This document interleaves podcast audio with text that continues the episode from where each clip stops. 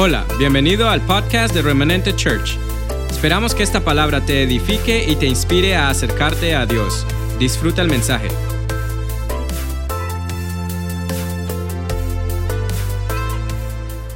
Voy a ser honestos, a mí me gustan los títulos. Yo tenía el tema hace una semana. Hace una semana yo tenía el tema, yo sabía de lo que quería, quería hablar y tenía mucha idea de cómo lo iba a desarrollar, pero no tenía el título. Y yo me complico cuando no tengo el título. Me pasa lo contrario que Pastor Villa. A mí yo me complico. Le estaba orando el Señor y bueno, el Señor me dio el título y yo dije, no, ese no es el título, ese soy yo, no creo, no me gusta, no me parece. Y hoy en, la madrugada de hoy, a las 3 y algo de la mañana, yo dije, bueno, voy a buscar el significado de esto.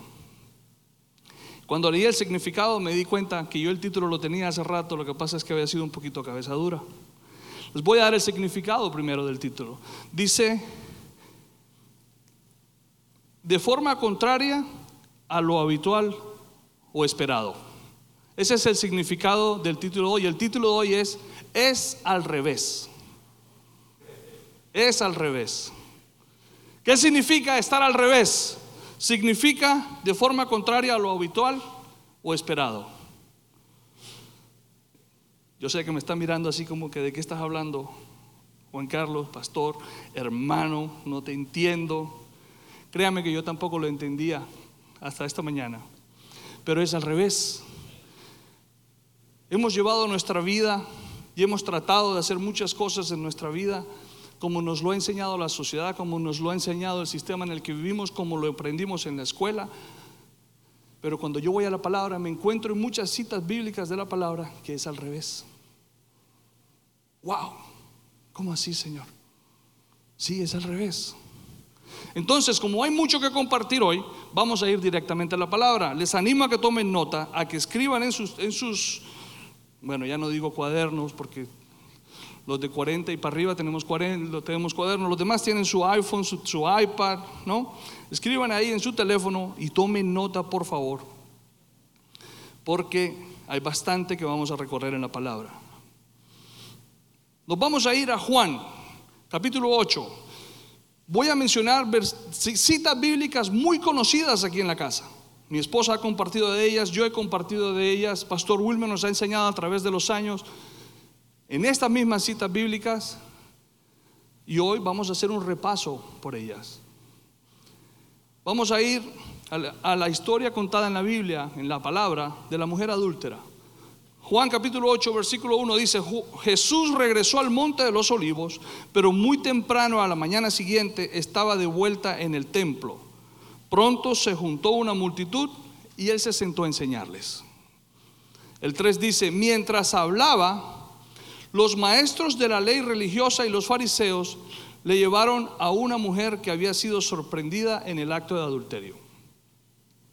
Los maestros, las personas que enseñaban la palabra, las personas que enseñaban los principios, las, personas que eran referencia de la palabra, de la ley, le llevaron al Señor, una mujer adúltera, y la pusieron en medio de la multitud, la humillaron, la expusieron delante de todos, la colocaron ahí enfrente para que todos se dieran cuenta.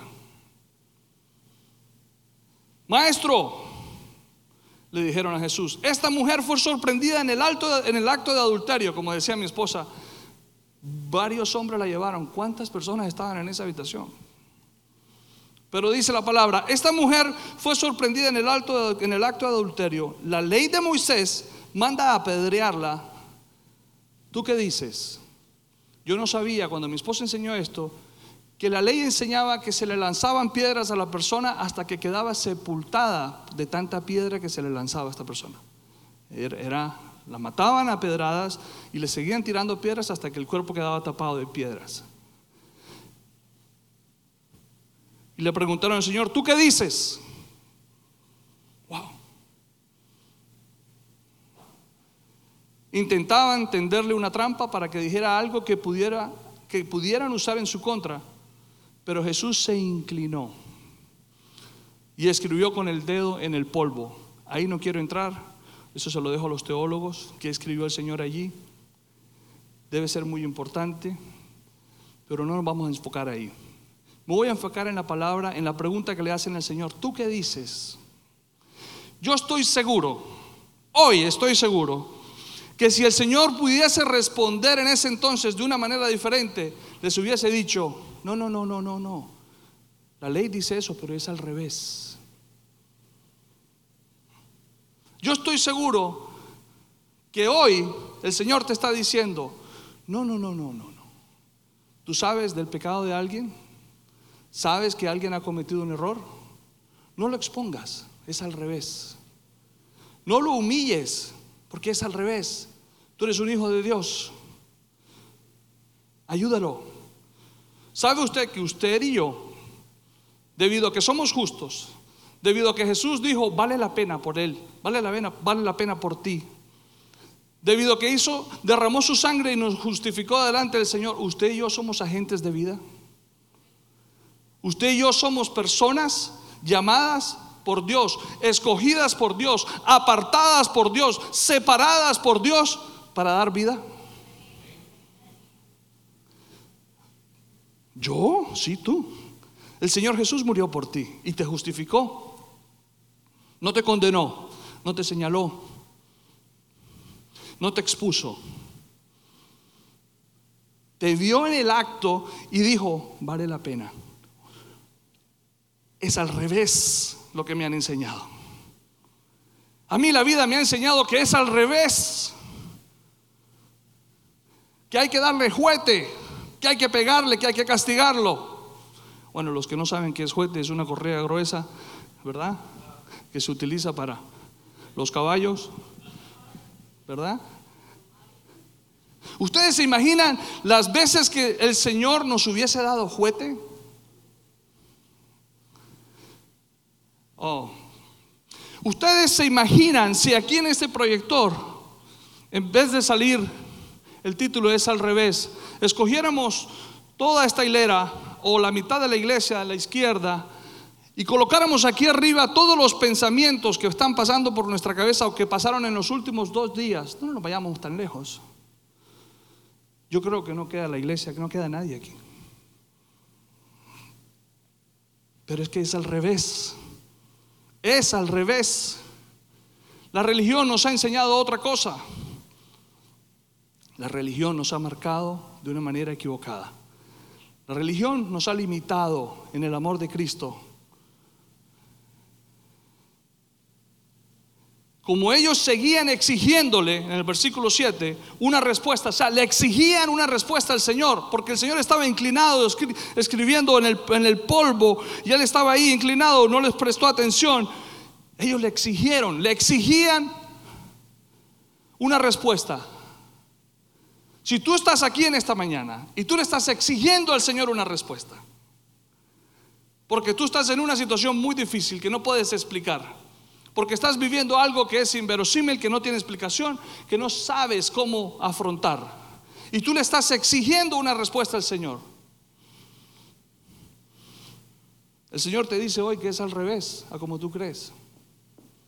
Es al revés a como lo estás pensando. Es al revés a como lo has planeado. Es al revés a como lo has idealizado. Es al revés. It's the other way around.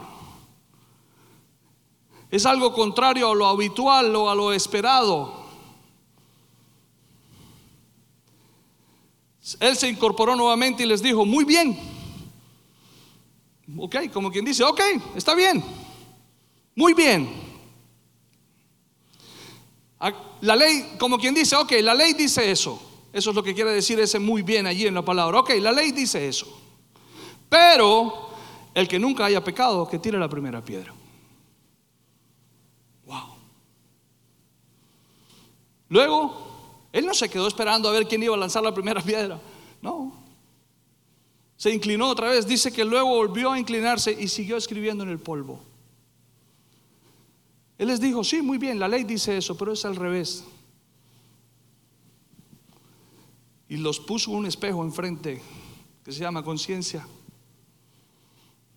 Y les dijo, el que esté limpio, que empiece. No hay problema. Eso dice la ley. Adelante. Pero tienes que estar limpio de pecado. Lánzala. Al oír eso, los acusadores se fueron retirando uno tras otro, comenzando por los de más edad. Me quiero detener allí. Me pareció interesante que dijera comenzando por los de más edad, porque la costumbre, las costumbres, la cultura, la sociedad ha marcado a las personas mayores para que nos guíen y nos lideren. Y nos han enseñado cosas que han aprendido de manera equivocada. Nos han enseñado cosas que no van acorde a la palabra, sino que nos la enseñaron al revés. Pero resulta que cuando el Señor dice esto, a ellos fue a los que primero se les reveló. O sea que el Señor no solamente trabaja y quiere trabajar con los jóvenes, sino que no excluye a nadie a los mayores, fue a los primeros que se les, se les reveló. Fueron los primeros que vieron ese espejo, su conciencia, y fueron los primeros que soltaron piedras y se fueron.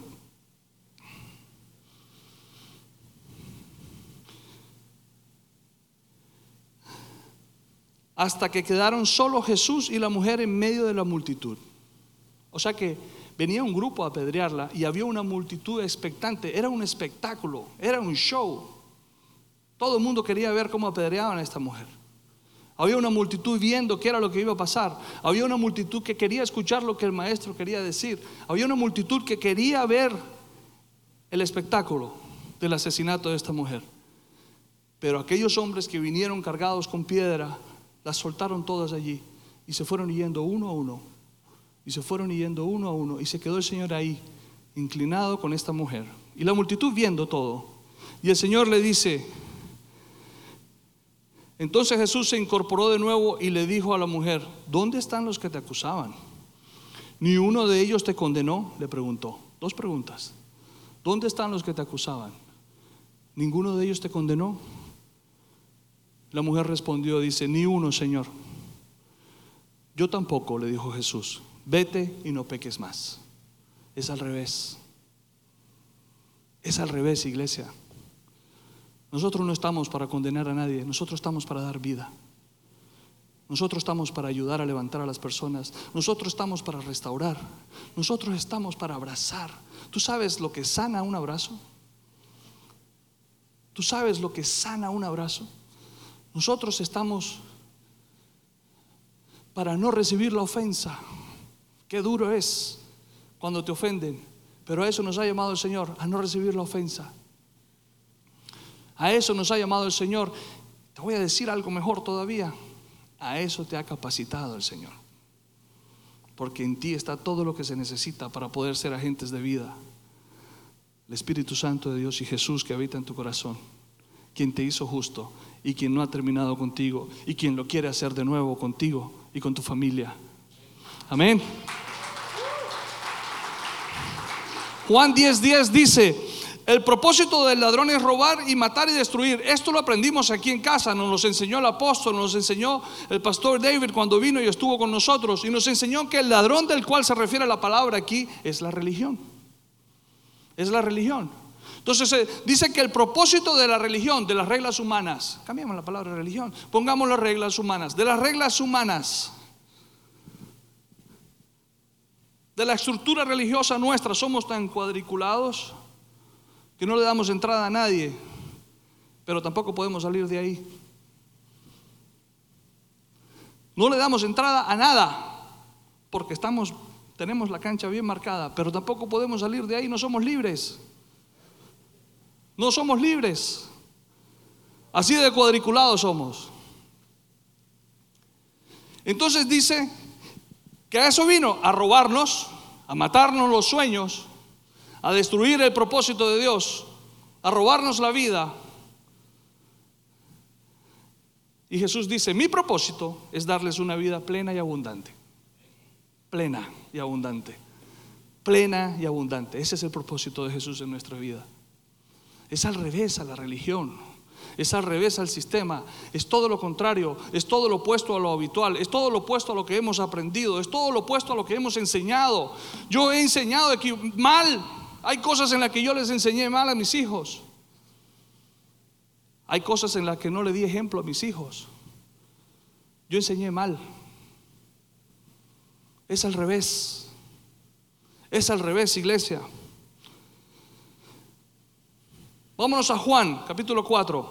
¿Cuántos conocen esta historia de la mujer samaritana? Amén. Dice que Jesús sabía que los fariseos se habían enterado de que él hacía y bautizaba más discípulos que Juan, aunque Jesús no era el que los bautizaba. Así que se fue de Judea y volvió a Galilea. El camino de Judea a Galilea tenía que pasar por Samaria. Dice la palabra que el camino tenía que pasar por Samaria. Pero a mí, yo he estudiado y a mí me enseña, los teólogos me han enseñado que los judíos tomaban un camino más largo. Esto lo conocemos mucho de nosotros, porque ellos discriminaban a los samaritanos. No compaginaban, no se la llevaban bien. Y dice la palabra que a través de los judíos venía la salvación al mundo. Pero ellos discriminaban a los samaritanos, o sea que ellos habían aprendido al revés. La tradición a ellos les había enseñado lo contrario. Les había dicho que los samaritanos no. Pero la palabra decía que era a través de ellos que la salvación venía al mundo. Entonces dice que Jesús tenía que pasar por Samaria. Hay alguien que tenía que venir en esta mañana aquí que tenía que estar aquí, que tenía que escuchar esto, que tenía que ver esto. Hay alguien que tenía, que tenía, que tenía que estar aquí en esta mañana. Hay alguien que necesita escuchar esto. Yo creo que yo necesito escuchar esto. Yo necesito escuchar esto. Señor, gracias porque quizás ese alguien soy yo. Gracias porque yo tenía que hacer esto en esta mañana hoy. Entonces, me dice que los judíos caminaban y nada en una vuelta exageradamente larga para no pasar por allí. Los discriminaban. El 5 dice que entonces llegó a la aldea una samaritana, llegó a una, aldea samaritana llamada Sicar, cerca del, campo, del campo de Jacob, el campo que Jacob le dio a su hijo José. Allí estaba el pozo de Jacob y Jesús, cansado por la larga caminata, se sentó junto al pozo cerca del mediodía. Poco después llegó una mujer samaritana a sacar agua y Jesús le dijo, por favor, dame un poco de agua para beber. Usted sabe que la costumbre enseñaba a que las mujeres tenían que ir temprano a sacar el agua y que iban en grupo, no iban solas. Pero esta mujer estaba marginada por la sociedad, no tenía amigos o amigas, no era aceptada. Entonces ella esperaba cuando no había casi nadie al mediodía y ella llegaba allí a sacar su agua porque necesitaba agua, pero no había quien la acompañase, entonces ella iba sola. Y estando allí sola, el Señor le dijo, por favor, dame un poco de agua para beber. ¿Sabes qué me enseña a mí? ¿Qué aprendí? La tradición enseñaba que era prohibido hablar a una mujer en público, que un hombre hablase a una mujer en público. Eso me enseña la tradición. La tradición en ese entonces dice que ni siquiera su esposa le podía hablar en público. Pero el Señor Jesús dice en esta mañana que es al revés. Es al revés. Porque primero que todo, Él no hizo lo que los judíos hacían, lo que todos estaban enseñados, lo que se les enseñaba a los niños, lo que se le estaba enseñando a las generaciones. Por los samaritanos no hay que pasar. Oh, pero es más corto el camino, no importa, hay que dar la vuelta, pero por ahí no hay que pasar, le enseñaban a los niños. Todos sabían eso. Pero él dijo, me es necesario, yo tengo que ir, yo tengo que pasar. O sea, él le dijo a la tradición y a la basura de la religión que es al revés, es que hay que ir ahí. Ahí es donde tenemos que llegar. Él le dijo, a los religiosos que le enseñaban en la casa a los niños las cosas que ellos consideraban correctas, les dijo, no, no, no, no, es al revés, me es necesario ir, yo tengo que pasar. Y también le decía a los religiosos que decían y enseñaban que era prohibido hablarle a una mujer en público, que un hombre, así dice, que un hombre le hablase a una mujer en público, dice que ni siquiera a su esposa. Y él les decía toda esa cantidad de reglas y basura, que es al revés. ¿A cuántos estamos juzgando hoy? Porque lo vemos hablar. ¿A cuántos juzgamos porque los vemos trabajar? Es al revés, dice el Señor. Es al revés. Yo no sé quién, yo no hay alguien aquí que necesita escuchar esto. Es al revés. Es al revés. Si tú has sido llamado a dar vida, ¿por qué te escondes? La palabra nos enseña que una luz no se pone debajo de una mesa, sino que hay que ponerla sobre la mesa para que ilumine el lugar. Tienes que hacer la obra del Señor, a eso te llamó el Señor. Si estás haciendo la obra de Dios, entonces tú puedes decir con autoridad que es al revés. Si estás cumpliendo el propósito por el cual Dios ha llamado a tu vida y te ha capacitado y te ha respaldado y te ha establecido y te ha fortalecido y te ha proyectado, entonces tú puedes decir con toda la autoridad del caso que es al revés. Yo sí puedo hablar con ella. Es al revés. Él estaba solo en ese momento porque sus discípulos habían ido a la aldea a comprar algo para comer. La mujer se sorprendió, ya que los judíos rechazaban todo trato con los samaritanos. Entonces le dijo a Jesús, usted es judío, como quien dice, usted sabe que usted no me puede hablar. Y yo soy una mujer samaritana, mucho menos a una mujer. ¿Por qué me pide agua para beber? Y Jesús le contestó, si tan solo supieras el regalo que Dios tiene para ti si tan solo supieras el regalo que Dios quiere hacer con tu vida para otros, si tan solo supieras el regalo que Dios tiene para ti en esta mañana, si tan solo supieras, si pudieras mirar un poquito más, y con quién estás hablando, tú me pedirías a mí y yo te daría agua viva. Pero Señor, le dice ella, usted no tiene ni una soga ni un balde y este pozo es muy profundo. ¿De dónde va a sacar esa agua viva? Además, argumentaba muy bien, sabía defenderse. Estaba acostumbrada a defenderse. Estaba acostumbrada a pelear en la calle. Estaba acostumbrada a defenderse del, del rechazo, del juicio.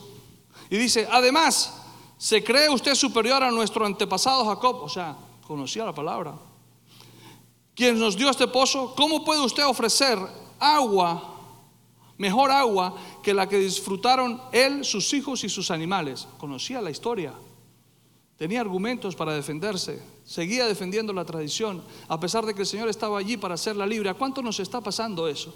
¿A cuánto queremos, cuántos aquí queremos seguir defendiendo nuestra posición y nuestra estructura religiosa? Saquemos, saquemos la palabra religiosa con relación a la iglesia, estructura religiosa con relación a nuestra vida.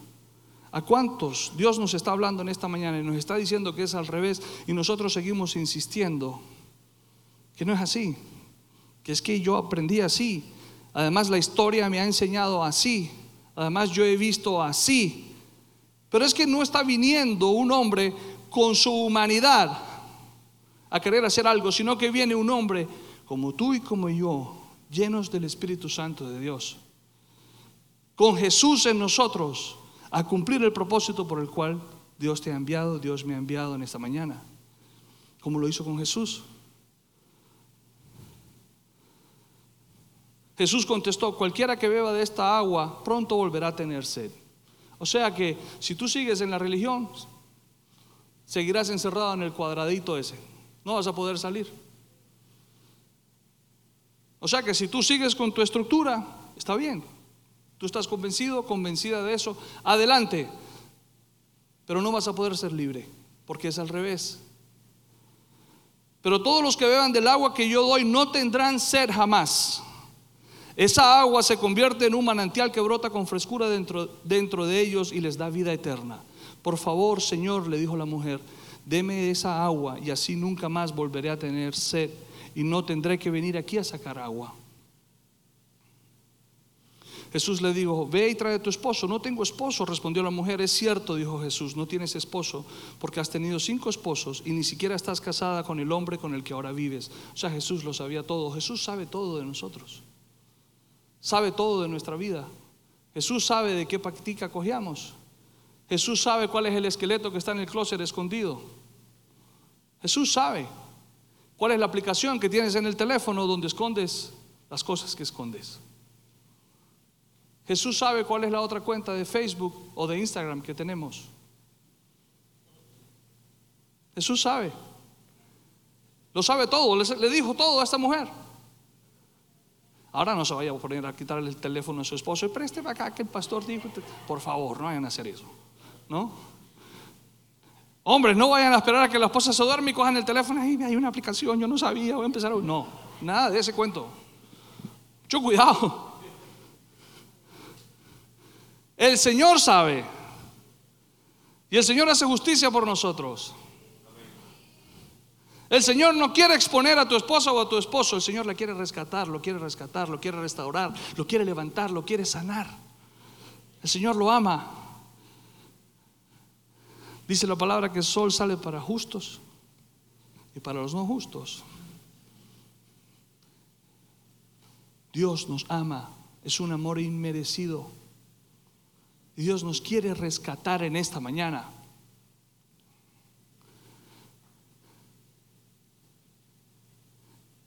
Dice, no tienes esposo porque has tenido cinco esposos, le rindió la señora, y ni siquiera estás casado porque el hombre con el que ahora vives, ciertamente dijiste la verdad, no es tu esposo. Eso solamente lo puede hacer el Señor. Esas cosas solamente le quedan bien al Señor. Cuando la autoridad de Dios opera sobre la vida de un hombre o una mujer, solamente esas cosas las puede decir esa persona en ese momento porque en ese momento le quedan bien. Dígame a mí cuando mi esposa está predicando, yo, yo me siento en esa silla, esperando lo que el Señor va a hablar y va a decir, pero no les miento, yo termino en la orillita, como cuando voy a King's Dominion y agarrado con las uñas así, porque dice unas cosas que solamente bajo la autoridad de Dios se pueden decir. Y son de gran bendición para esta casa y para mi familia. Amén. Pero eso solamente le queda bien al Señor. Y dice, seguro que usted es profeta. Y más que profeta. Así que dígame, siguió, siguió defendiéndose ella. Así que dígame, ¿por qué ustedes los judíos insisten en que en Jerusalén es el único lugar donde se debe adorar? Mientras que nosotros los samaritanos afirmamos que es aquí, en el monte de Jericim, donde adoraron nuestros antepasados. Siguió defendiéndose en su religión y en su estructura. Siguió defendiendo lo cuadriculada que estaba en su manera de pensar. Aunque el Señor le había dicho de qué práctica estaba acogiendo, el Señor le había dicho en qué estaba fallando, aunque el Señor le había revelado su vida, ella a pesar de, se siguió defendiendo en sus formas. Dios mío, Señor, que no nos pase a nosotros en esta mañana, que tu revelación no sea suficiente, Señor, para que nos hagas libres. Porque hay veces que aún la revelación de Dios no nos hace libres. Jesús le contestó, créeme querida mujer, que se acerca el tiempo en que no tendrá importancia si se adora al Padre en este monte o en Jerusalén. Créeme querida mujer que eso no importa. Es al revés. Estás enfrascada en algo que no trasciende, que no te da vida, que te ha encerrado, que te ha esclavizado, que te ha condenado. Estamos enfrascados en cosas, encerrados. Estamos en prisiones que nos han esclavizado. son prisiones que no tienen barras.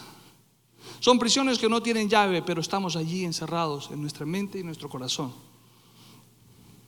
Y el Señor te dice que todo eso que tú argumentas y que todo eso que tú estás usando para defenderte, que todo eso que tú dices por lo cual no te ha sucedido o te ha sucedido lo que te ha sucedido, es al revés, lo has agarrado al revés.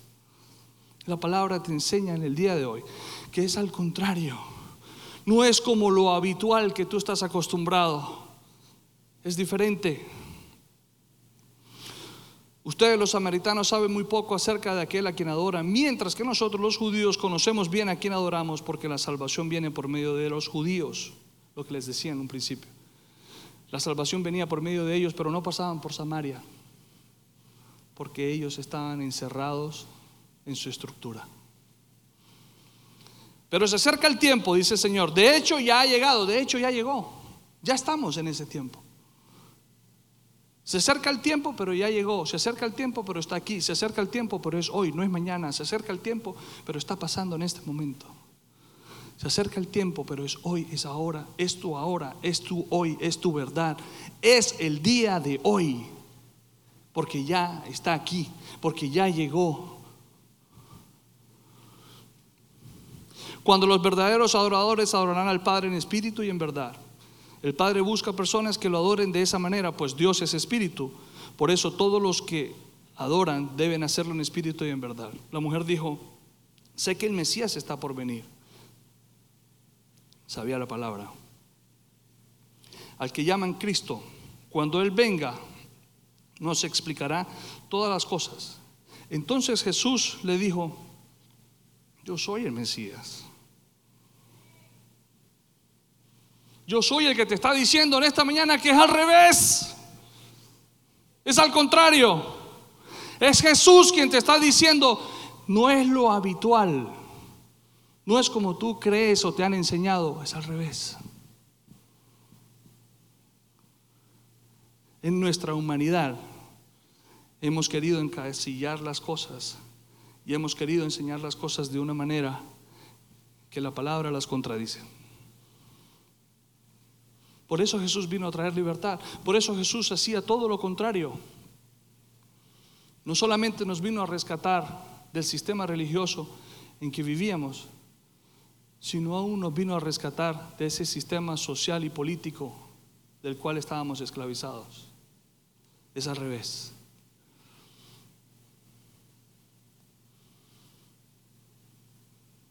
Vamos a hacer algo diferente el día de hoy. Pronto ya vamos a cerrar dentro de poco. Ustedes dirán que falta todavía 20 minutos. Permiso. Y los vamos a aprovechar al máximo. El paralítico que estaba en Bethesda, en el pozo, en, en Bethesda, el pozo de Bethesda, 38 años paralítico. Llegó el Señor Jesús. A mí me han enseñado que en ese versículo a ese hombre le faltaba actitud, pero ese hombre de verdad no podía, era paralítico.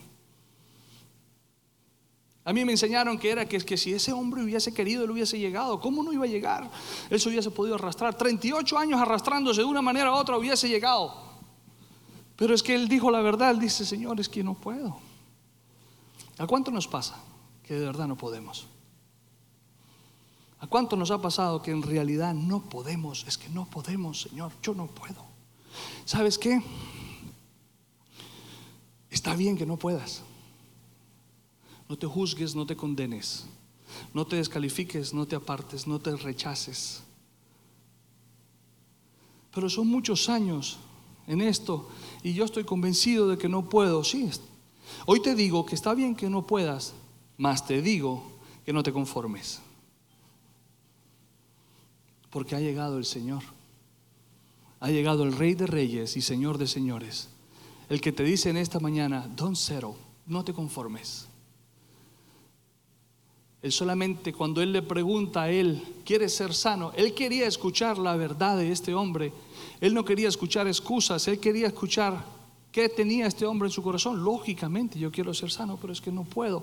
¿A cuántos nos pasa que queremos ser sanados, que queremos ser liberados, que queremos levantar nuestra cabeza y respirar mejor, pero no podemos en áreas de nuestra vida? ¿A cuánto nos sucede que queremos y no podemos? A este hombre le sucedía esto y por 38 años él ya estaba prácticamente resignado, es la palabra. Mas el Señor le dice, levántate, toma tu cama y vete. Y después más adelante en la historia el Señor le dice, tus pecados te han sido perdonados, no peques más, no sea que te suceda algo peor. Ay mamá, 38 años paralítico a causa del pecado y todavía el Señor le dice, puede que te suceda algo, algo peor. ¿Ah? Le hablaba de que podía perder la vida eterna. Pero le dice, no peques más. Y lo hace en un sábado. Lo hizo en un sábado. Lo hizo en un día en el que supuestamente el hombre no estaba autorizado a cargar la cama y a caminar, mas el Señor vino y le dijo al mundo en un sábado que era al revés, que sí se podía sanar en un sábado, que sí se puede recibir la sanidad, que sí se puede recibir la libertad, que las cadenas que te han tenido atado y atada son rotas en esta mañana porque sí se puede, porque Él quiere, porque Él lo quiere hacer. No importa cuántos años has estado luchando con esto, Él lo quiere hacer. Sabes, el día todavía no ha llegado a su perfección en tu vida. El camino no ha llegado todavía a la perfección de lo que Dios quiere. Y el sol sigue subiendo hasta que el día sea perfecto en tu vida.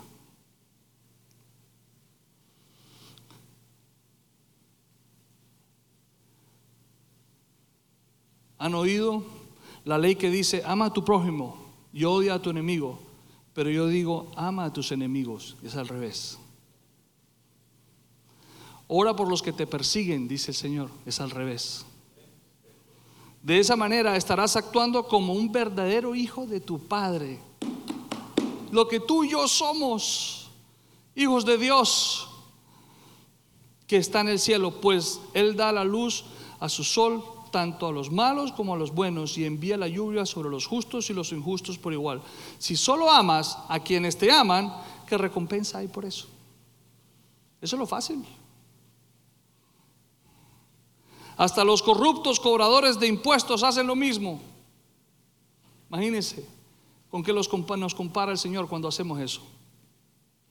Si eres amable solo con tus amigos, ¿en qué te diferencias de cualquier otro? Hasta los paganos hacen lo mismo. Es al revés. Es al revés. Quiero cerrar con este versículo. Dios permita que lo encuentre. Aquí lo tengo en mis notas. Me gustaría que Pastor Wilmer subiera y me acompañara en esta mañana.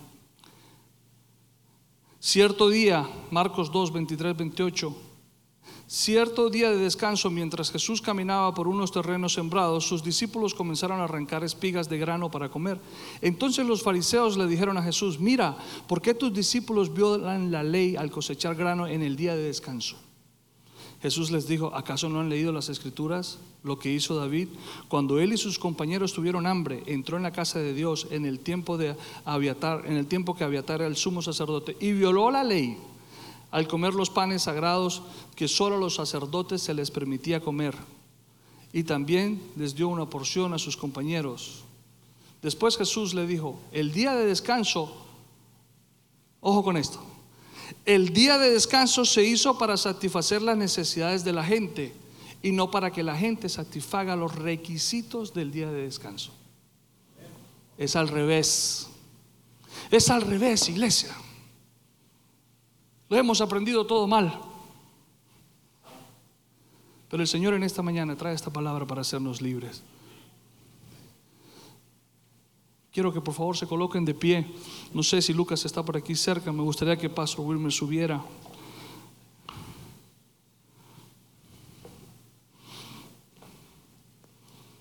Es al revés. Amén. Yo, yo no sé usted, pero voy a decir esto que no es habitual. Esta es una de las mejores prédicas que yo he escuchado acerca de este tema en particular en mi vida. Me he sentido orgulloso, papá. Yo creo que le des un aplauso al Señor. Y te voy a decir por qué. Te voy a decir por qué. Porque es al revés. Es al revés.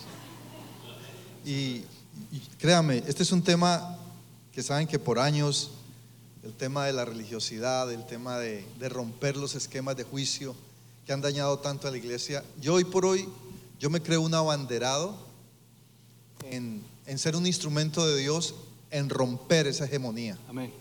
Amén. Porque definitivamente yo, antes de que o, o, Pastor Juan Carlos empezara a predicar, yo pensaba, si Jesús estuviera aquí, yo pensaría que Él nos dijera, todo lo que te han enseñado, la religión, el sistema, está equivocado. ¿Qué haríamos? Yo quiero relevar algunas cosas que el Señor trajo ahí mientras Él estaba, hice muchas notas, Eh, porque nosotros hemos sido, gracias, hemos sido, siéntate un momentico, un momento. No, no voy a predicar otra vez, solamente quiero afirmar y dejar esto, porque es que esta palabra no puede pasar desapercibida. Este tipo yo, en esto quiero ser aprovechado, si se vale el término. Porque una palabra de estas, que se caiga el diablo del infierno, pero no puede pasar desapercibida en la vida de la iglesia hoy por hoy. Porque Dios viene hablando y viene hablando y el espíritu farisaico, escúcheme esto, el espíritu farisaico del cual nosotros hemos sido víctimas, nos creó una manera de escuchar y nos nubla. Cuando una palabra de esta viene, el espíritu farisaico se opone a escucharla. Y necesitamos romper eso. Porque la Biblia dice que la salvación viene de los judíos. Cuando Juan Carlos mencionó eso, yo dije, ¿qué esperanzas? En otras palabras, está diciendo, la salvación viene de la iglesia.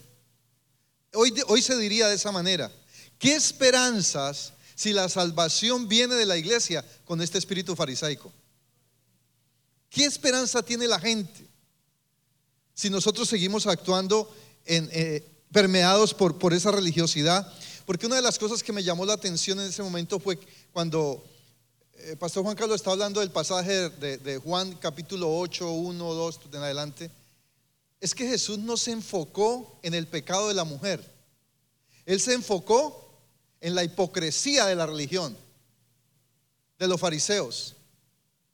Y nosotros vivimos enfocados en el pecado del hermano. Diga ay, diga amén, diga algo. Escuche esto, ni Jesús que esto es lo que yo he venido predicando por años, ni Jesús, que era el que tenía el derecho legal de juzgar. ¿Quién tenía derecho de todo ese grupo? Eliana dijo ese día, muchos de, de los que estaban ahí juzgando la estaban metidos en el cuarto. ¿Quién de ese grupo, de todos los hombres que habían ahí, porque imagino que eran puros hombres, no creo que había mujeres porque la, la ley no se los permitía. La única mujer era la pobre mujer que, estaba ahí detrás. Dice la tradición que ella se escondió detrás de Jesús. Y eso simboliza, eso es un acto profético que simboliza que Él la libró del pecado. Ella, si Él es el que tenía el derecho a juzgar y no la juzgó, pregunta, pregunta, ¿con qué derecho nosotros juzgamos al hermano? Y eso pasa todos los días. Ayer yo le dije a alguien, nosotros somos especialistas en juzgar la integridad y hablamos de la integridad. Y esa palabra integridad es algo wow. Pero ¿sabe qué? Estamos al revés. Ahí sí estamos al revés. Porque la integridad la hemos juzgado por la conducta, pero Dios juzga la integridad por el corazón. Mientras tú no conozcas el corazón de alguien, no te atrevas a juzgar su integridad.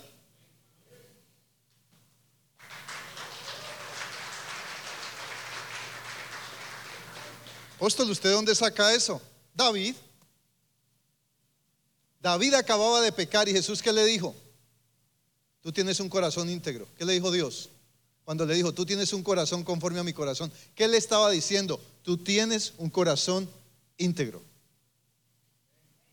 Diga ay, dígame.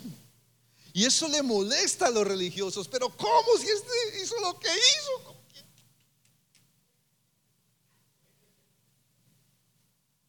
Ahora, no estoy diciendo con esto que es que yo tengo un corazón íntegro y yo me voy a ir a pecar. No, yo no estoy diciendo eso.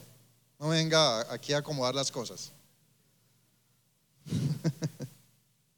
porque si, si yo estoy en pecado es porque he roto la integridad de mi corazón. Hello. O expongo la integridad de mi corazón. Pero nunca, nunca juzgue a una persona por la conducta.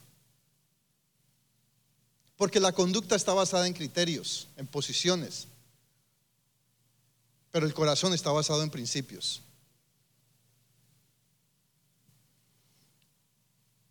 Y termino aquí, porque es que esto, este tema es...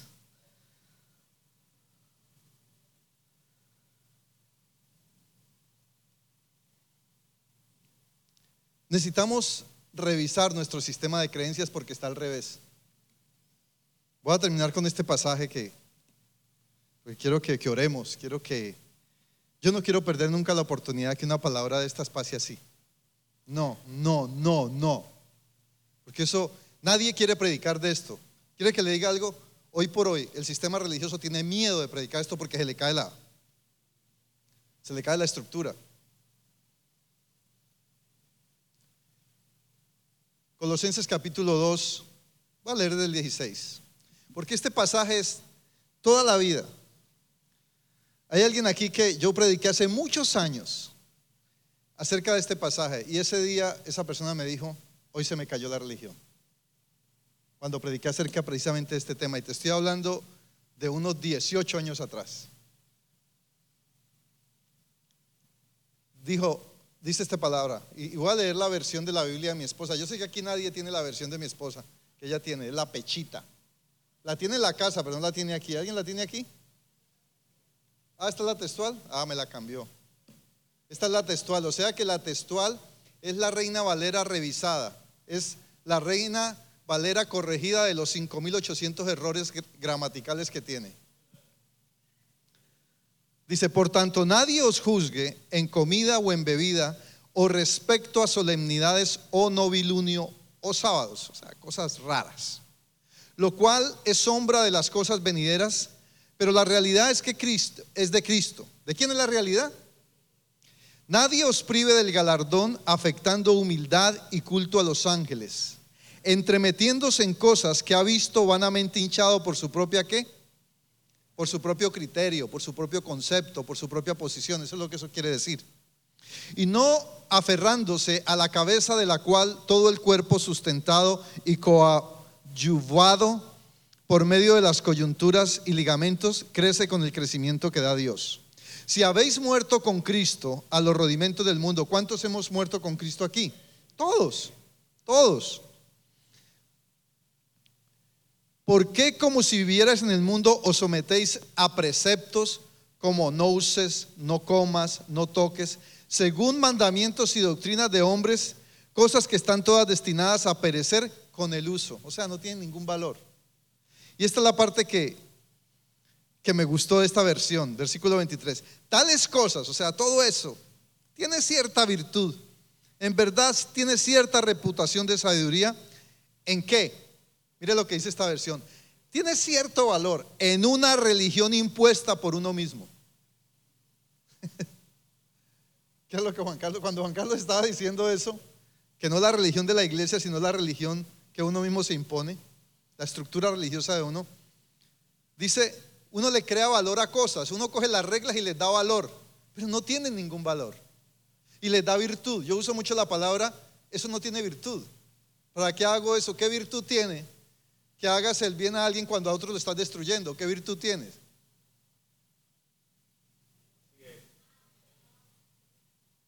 En una religión impuesta por uno mismo. ¿Usted sabe que usted y yo nos hemos impuesto una, una religión nosotros mismos? Y de esa manera hemos dañado, hemos lastimado, hemos juzgado, hemos señalado, hemos criticado, hemos condenado, hemos destruido, hemos calificado y hemos sacado el parche a muchos. Hemos descontinuado a muchos a través de los años, llevo años en esto y lo he visto y me he opuesto. Y yo sé que mi predicación en este sentido es controversial, porque nadie quiere oír esto. Nadie quiere oír que le toca. ¿Usted cree que lo ¿Por qué cree usted que ese día los fariseos odiaron a Jesús? No porque protegió a la mujer, porque les tumbó, los desenmascaró a ellos los dejó sin piso porque ellos eran los maestros. Imagínense, y eso sigue pasando. Ellos eran en quien la gente confiaba para enseñar la palabra. Ellos eran en quien, en quien eh, eh, habían sido escogidos. La salvación viene de quién? De los judíos. Pero resulta que estos, yo les llamo saltatapia robahuevos, fariseos, estaban era viendo cómo imponían una religión. Y ya termino con esto. Mi último término como. Es tiempo de revisar nuestro sistema de creencias, porque déjame decirte, es al revés. Amén. Gloria a Dios. Gracias a Dios por la vida. Yo me siento orgulloso por ti. Y por ti, Eliana, también, porque Dios o sea, Gloria a Dios. Son, son 20 años que hemos caminado juntos. Y ustedes imaginan 20 años uno la relación que establece. Muchos no aguantan el trote, porque muchos no aguantaron mis formas. Y es entendible. Yo sé que no soy fácil, especialmente cuando le tumbo la religión a la gente. Y he aprendido, porque en mi momento fui torpe, fui torpe. Cometí errores en ese sentido de, de atacar también, por un lado por defender eh, o atacar la religión, pues atacaba a gente también. Pero aprendí que no se trata de personas, se trata de un sistema. Es un sistema lo que tenemos que derribar, que nos invadió. Y, los sistemas se filtran, aún inclusive en la estructura de una iglesia, en la estructura de una misión. Yo le decía ayer a Pastor Juan Carlos y a, Pastor, eh, a los dos Juan Carlos, eh, a los Juanes, uy, sí, va que vea. Cuando usted, puede usar eso como buena referencia, te invito a mi iglesia que va a estar Juanes. Y eso vea.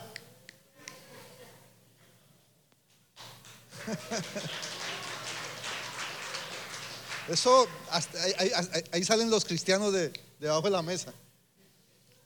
Les decía que yo cuidaba de que en remanente como misión, como todo lo que es remanente, que son 10 iglesias, no se creara un sistema religioso, un sistema de manipulación, de control, de calificación, de, ¿cómo se dice la palabra? De, ay, la voy a decir de esta manera, de accesión de personas, es la palabra, ¿no? Acepción, ayúdenme porque siempre tengo problema con la B, la P, la C, la T, siempre, siempre. Porque esos sistemas nos hace crear o nos hace ver como un estigma. Y lo que menos la sociedad necesita y la iglesia necesita en este momento son estigmas, porque hay mucho estigma religioso. Amén.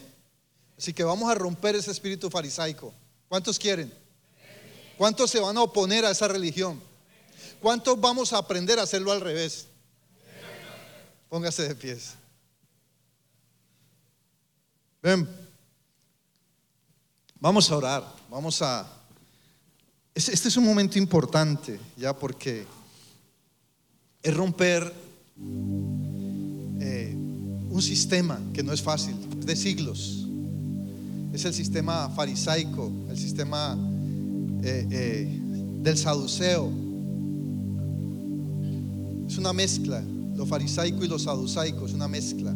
Una mezcla del misticismo con el fanatismo, imagínense. Que ha creado legalismo, que ha creado religión. Y que lo hemos heredado, porque esto se alió con el paganismo. O sea, todos los ismos están ahí. Y nos creó un sistema. Pero no es así. Atrévete, atrévete. No te dé miedo verlo al revés. Porque Jesús lo vio al revés. En un momento, en un momento, usted sabe lo atrevido que Jesús fue. Guardar esa mujer que estaba ahí quizás semidesnuda detrás de su espalda. Li- Literal de vida a muerte. ¿Ah? De vida o muerte. De vida o muerte. De O sea, vida o muerte. e- Ella la iban a matar, la iban a apedrear. Y él les dijo, ¿quién se atreve a levantar la primera piedra? Es al revés. Y él había sido el primero que le habían dado. ¿Cuántos estamos dispuestos a que nos apedren por hacerlo al revés? Es que es al revés. Vamos a orar.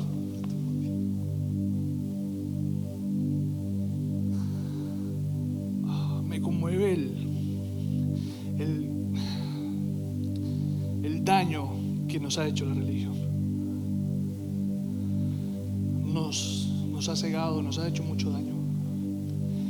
Quizás así está Jesús conmovido. Porque han pasado muchos años y todavía estamos encerrados y no hemos entendido que es al revés. Padre, en el nombre de Jesús, en esta Levante hora, sus manos ahí. yo te presento, mi Dios, mi familia remanente, Señor.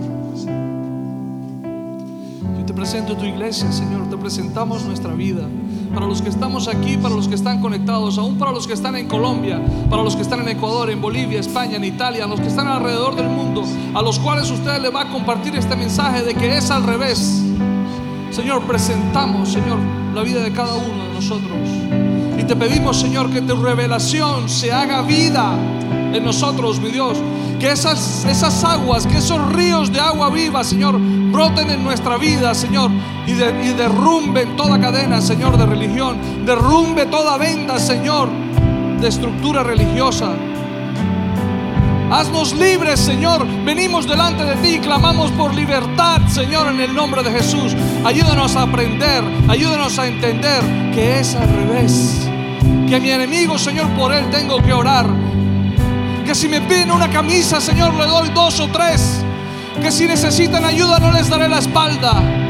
Que si cometen pecado, estoy para dar vida y para levantar, Señor. No para juzgar que si necesitan ayuda, a eso me llamaste, Señor, a ayudar. No para juzgar, no para exponer. Padre, que tu presencia sea sobre la vida de cada uno de nosotros en esta hora. Oh, fluye, Espíritu Santo de Dios. Fluye, fluye ahora, fluye ahora. No tengas miedo, te dice el Señor. He aquí que yo te digo, no tengas miedo, no tengas miedo, es al revés. No tengas miedo, lo aprendiste. No es lo habitual a lo que tú crees, es al revés, es al revés, no tengas miedo. Mira que te mando que te esfuerces y que seas valiente, te dice el Señor, porque es al revés. Es al revés. Sé libre en esta hora. Recibe en esta hora. Yo sé que tú, Señor, lo harás de nuevo. Aleluya, Señor. No, no tengas miedo. No tengas miedo aún a renunciar a aquello que has creído por años. Jesús estaba enfrentando a los fariseos y les estaba diciendo, todo aquello que ustedes han guardado por siglos, aquí no sirve. Aquí no sirve.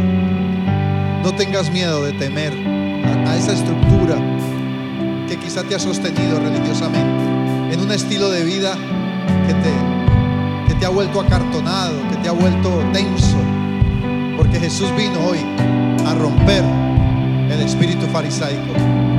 Amén. Te bendigo iglesia. Dale ese aplauso al Señor.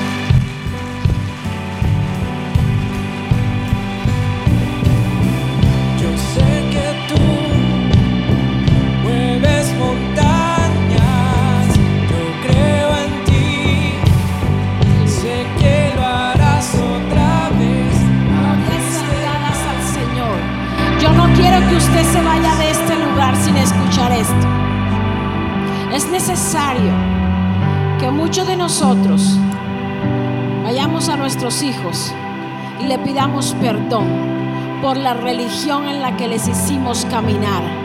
Nuestros hijos muchas veces han dejado de venir a la iglesia porque no quieren más religión. Muchas veces hemos juzgado a los hijos de la gente que viene a la iglesia en vez de orar por ellos, basados en una religión. Públicamente yo le pido perdón a mis hijos por las veces que los traje a la iglesia por la religión y no por una relación con Jesús. Tienes tarea, tenemos tarea. Rescatemos a nuestros hijos, a nuestros sobrinos, a nuestra generación, a nuestros jóvenes de una religión que los acusa y los aparta de una relación con aquel que todo lo puede, que todo lo sabe y que todo lo cree de ti y de mí. Eso escribía Jesús en la tierra mientras la mujer era juzgada. Yo creo en ti, yo creo en ti. Ese sueño de Jesús escribiendo en la tierra era el mismo sueño de Génesis cuando el Señor en medio de la creación cogió tierra y te hizo a ti y a mí. Se acabó la religión en esta casa y somos libres para adorar, para servir, para crecer. Iglesia, Dios te bendiga. Esperamos que este mensaje haya sido de bendición. No te olvides de suscribirte a nuestro podcast y seguirnos en Facebook e Instagram arroba remanente church.